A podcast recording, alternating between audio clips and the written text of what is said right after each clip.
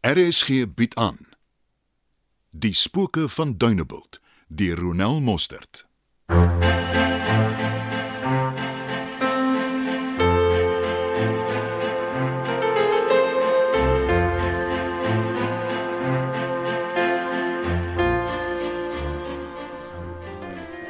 Alles goed en wel, meneer die burgemeester, maar kan ons nou na meneer Kromhout luister? Dankie vir die geleentheid. Soos u weet, beplan ons vakansiebehuising. Na aanleiding van die vrae vroeër vanaand en ook die bekommernisse wat u uitgespreek het teenoor meneer Hannekom, blyk dit dat u nie noodwendig al die prosesse wat met so 'n ontwikkeling gepaard gaan ken nie. Gun my dus die geleentheid om 'n bietjie te verduidelik. Genade, praat asseblief dan net gewone Afrikaans sodat almal jou kan verstaan. Hoor, hoor. Ons het verskeie areas geoormerk vir ontwikkeling. Die impakstudies is reeds gedoen en ons het ook reeds die goedkeuring verkry van die stadsbeplanner. Ons kan nou op grond van die goedkeurings begin om van die dienste in te stel. Toe julle die eerste keer met ons kom gesels het oor die ontwikkeling wat julle in ons dorp beplan, het julle onder andere gesê dat julle vir die plaaslike inwoners werk sal skep. Is julle nog van plan om dit te doen? Mooi Rikkie. Ons is besig om 'n terreinkantoor op te rig. Die inwoners sal uitgenooi word om hulle CV's te kom inhandig. CV's. Waar val jy uit, meneer Kromhout? Ons praat van vissermanne en Mevrou gewone kalmeer. Ons is heeltemal bewus van vissermanne, maar daar is tog kontrakteurs wat ook sal wil tender, asook ander mense wat vir ander aspekte van die ontwikkeling aangewend kan word.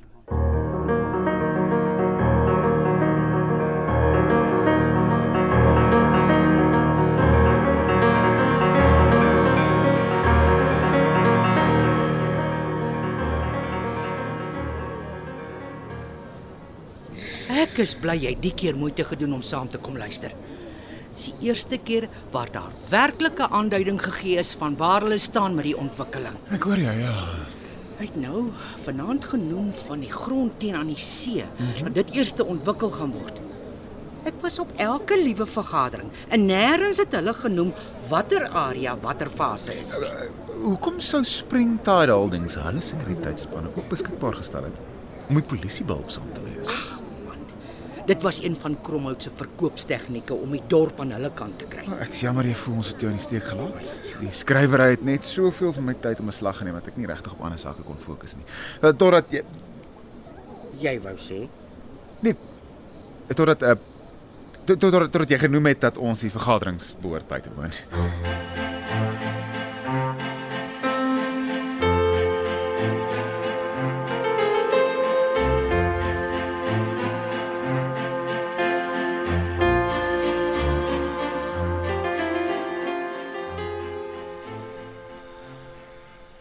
Jy sê die inwoners raak toe sommer inskikkelik. net so.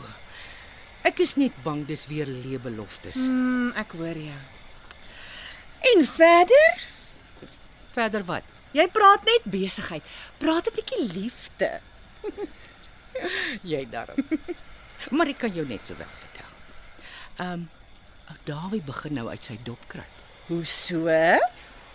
Wel, ek moes aangebied om my kombuiskassies oor te doen. Nogals. Hy is nie van hier nie, hoor. Daai man het talente as dit by sy hande kom. Klink na my tipe man. Gedra vir jou man. Jy moet sien hoe netjies is die kassies gedoen. Ek kon wraggies nie 'n enkele ding kry om oor te kla nie. En ek kan jou verseker, geen man gaan dit doen as hy nie omgee vir die vrou vir wie hy dit doen nie. So, wanneer is die troudatum? Maar sal ek Jy het gesê hy begin nou uit sy dop te kruip. Dit kan onmoontlik nie net die kombuiskassies wees nie. Goed, ek sal jou vertel, maar dit bly tussen ons en hierdie vier mure. Pinky promise. Ja. Wat? Never mind. Ek sal nie oor vertel nie. Ek was so verras. Ek staan toe nader en ek gee hom so 'n piksoentjie om dankie te sê. en dis toe wat die man vir my sê: "Maar dit kan seker nie al wees nie." Ooh. Hy dink die werk wat hy gedoen het verdien 'n beter dankie sê. En ek vra toe so ewe bedees of ek hom kan bedank met 'n lekker bord kos. En is hy toe happy? Nee. Hy sê toe gemaak kwaai, ek moenie vir my aspirus hou nie.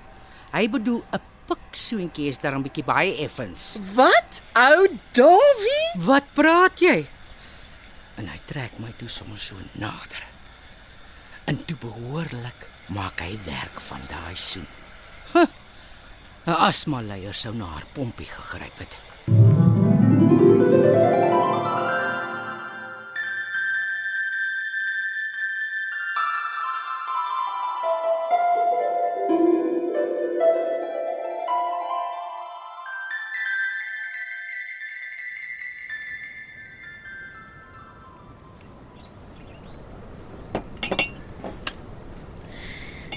Kan nie alles mooi onthou nie en uh veral nie die volgorde van hoe dinge gebeur het nie. Ek het uh nodig om net weer deur alles te gaan.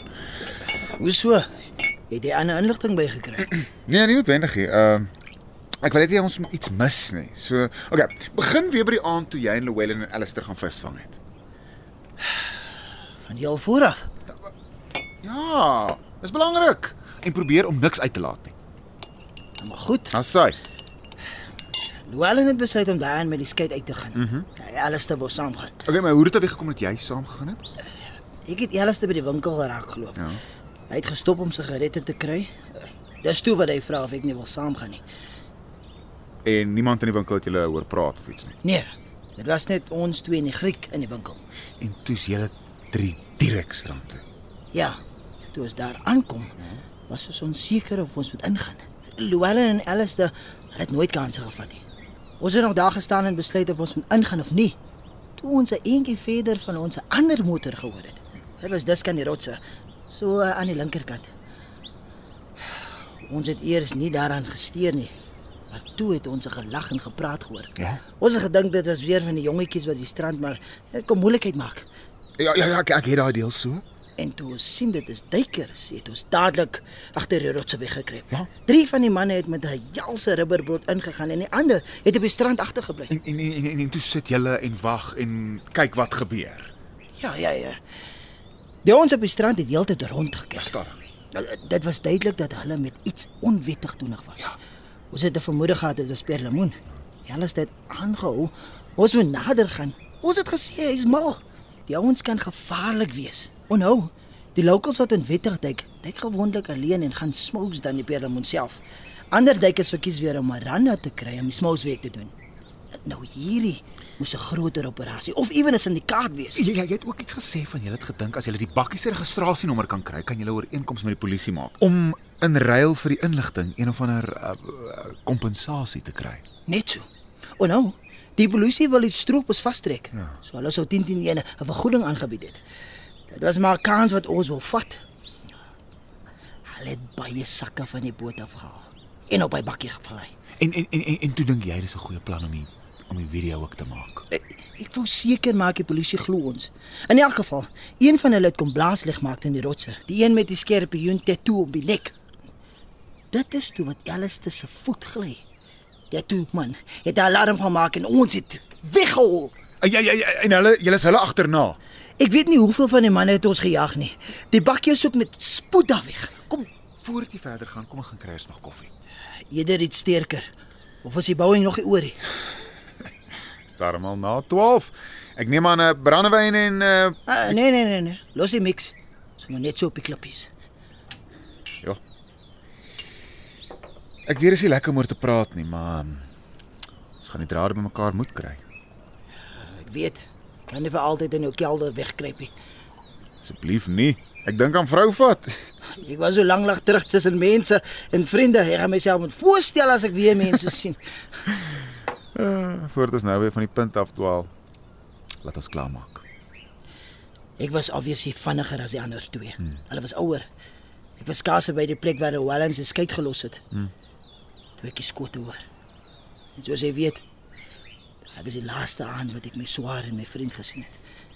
Piet, uh wanneer het jy die ou met die skerpioen tatoe by die hotel gesien?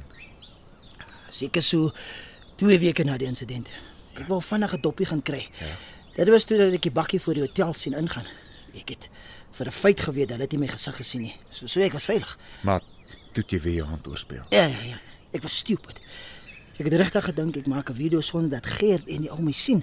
Ek was ook net betyds want kort daarna toe gaan my foon se battery dood. Maar dis eers toe jy klaar betaal het dat Gert vir jou vra hoekom jy 'n video geneem het. Ja. Wou nog verskoning maak, maar toe die tattoo man opstaan, toe maak ek vir die deur. Jy's gelukkig dat jy weer weggekom het. Kon lelik geraak het. Ja. Gert sou maklik my adres gekry het en hulle sou my verseker kom uitdaal het.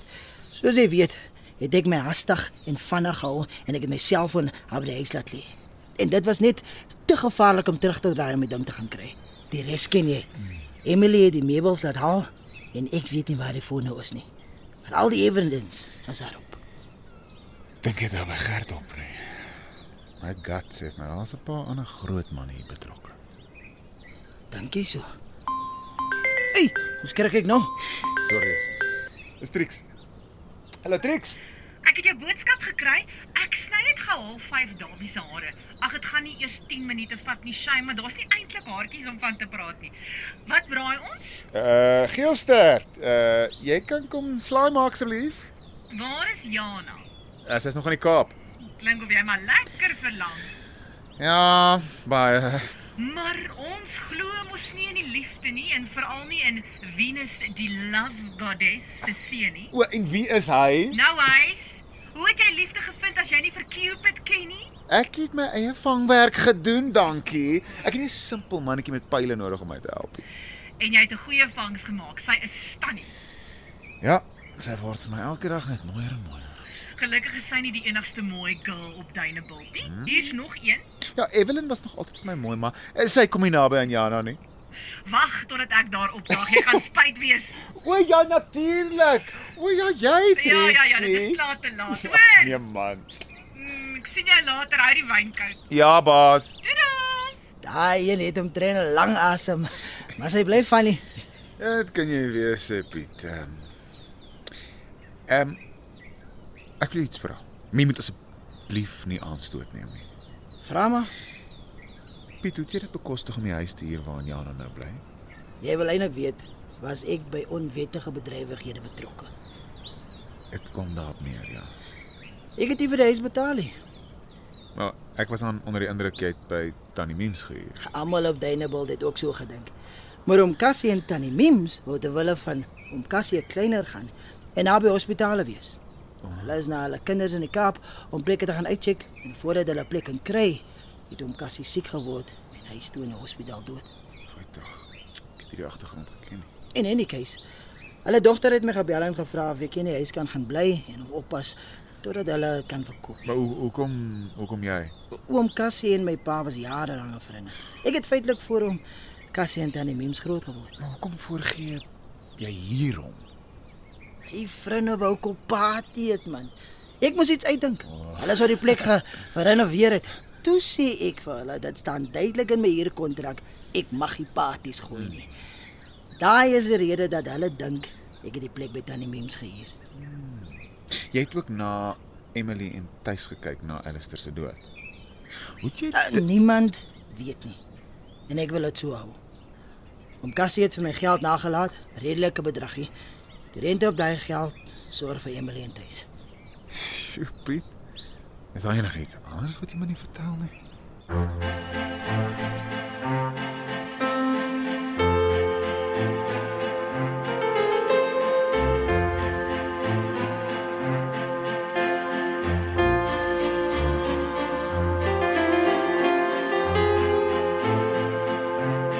Spooke van Dunebuld word in Johannesburg opgevoer onder spelleiding van Johnny Klein. Die tegniese span is JD Labuskaghni en Bongie Thomas.